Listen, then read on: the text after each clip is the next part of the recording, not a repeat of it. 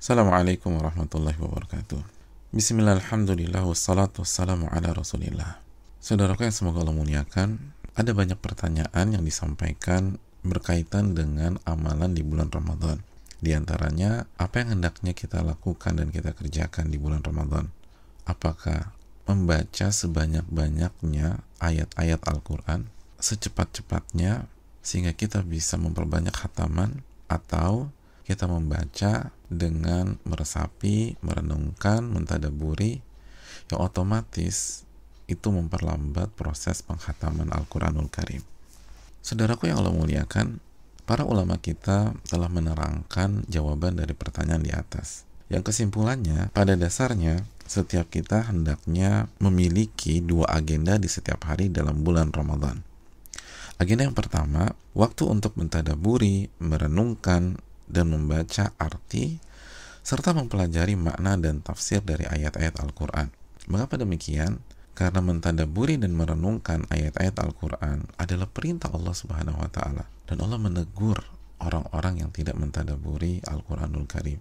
Allah berfirman dalam surat Muhammad ayat 24, "Afala yatadabbaruna al-Qur'an am ala qulubin aqfaluha?" Maka mengapa mereka tidak mentadaburi Al-Quranul Karim? Apakah karena hati yang terkunci? Sebuah teguran yang cukup tajam. Maka hendaknya kita memiliki waktu untuk mentadaburi dan merenungkan.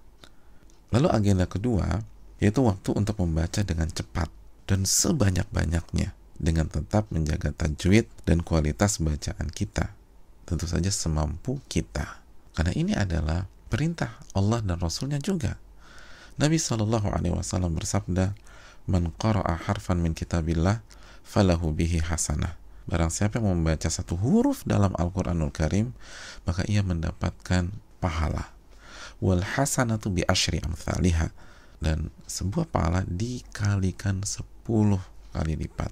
La aqul alif lam mim harf. Aku tidak mengatakan alif lam mim satu huruf kata Nabi. Walakin alif harf, wal lam harf, wa mim harf namun alif satu huruf, lam satu huruf, dan mim satu huruf. Jadi dengan membaca alif lam mim, kita mendapatkan 30 pahala. Saudaraku yang semoga Allah muliakan, maka upayakan agar kita menjalankan kedua agenda ini setiap hari di bulan Ramadan. Namun, jika suatu hari di Ramadan kita memiliki kendala waktu, ada halangan untuk menjalankan kedua agenda ini, dan di hari itu kita harus memilih maka dalam kondisi seperti ini, yang tidak ada solusi lagi, maka hendaknya kita memperbanyak membaca Al-Quranul Karim di hari itu. Mengapa? Karena praktek ulama-ulama klasik kita di bulan Ramadan, mereka berusaha membaca sebanyak-banyaknya. Bahkan di antaranya, seperti Al-Imam Ash-Syafi'i rahimahullah, beliau menghatamkan Al-Quran dua kali dalam sehari. Allahu Akbar. Jadi kurang lebih dalam satu bulan beliau menghatamkan 60 kali khataman. Maka perbanyaklah membaca Al-Quran di bulan Ramadan sambil tetap meluangkan waktu untuk mempelajari dan mentadaburi ayat-ayat Al-Quran. Karena sekali lagi, mempelajari Al-Quran di bulan Ramadan adalah sunnah Nabi Shallallahu Alaihi Wasallam.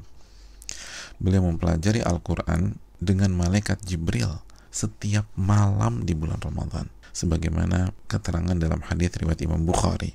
Oleh karena itu, apalagi kondisi Ramadan kali ini yang salah satu hikmahnya Allah memberi kita lebih banyak waktu untuk beribadah dibanding Ramadan-Ramadan yang lalu. Maka mari memperbanyak membaca Al-Quran dan mari mempelajari makna dan tafsir dari ayat-ayat Al-Quranul Karim. Karena memperbanyak membaca Al-Quran adalah sunnah Nabi dan mempelajari makna ayat-ayat Al-Quranul Karim sehingga kita bisa merenungkan, meresapi, dan mentadaburi itu pun juga sunnah Nabi Shallallahu Alaihi Wasallam. Selamat berinteraksi dengan Al-Quran dan nasihat ini diangkat dari keterangan Syekh Sulaiman Ar-Ruhaili, salah satu pakar fikih dan usul fikih dunia dari kota Madinah dengan beberapa tambahan. Semoga bermanfaat dan semoga Allah memberikan taufik agar kita mendapatkan berbagai macam pahala dan meraih gelar takwa di Ramadan kali ini. Assalamualaikum warahmatullahi wabarakatuh.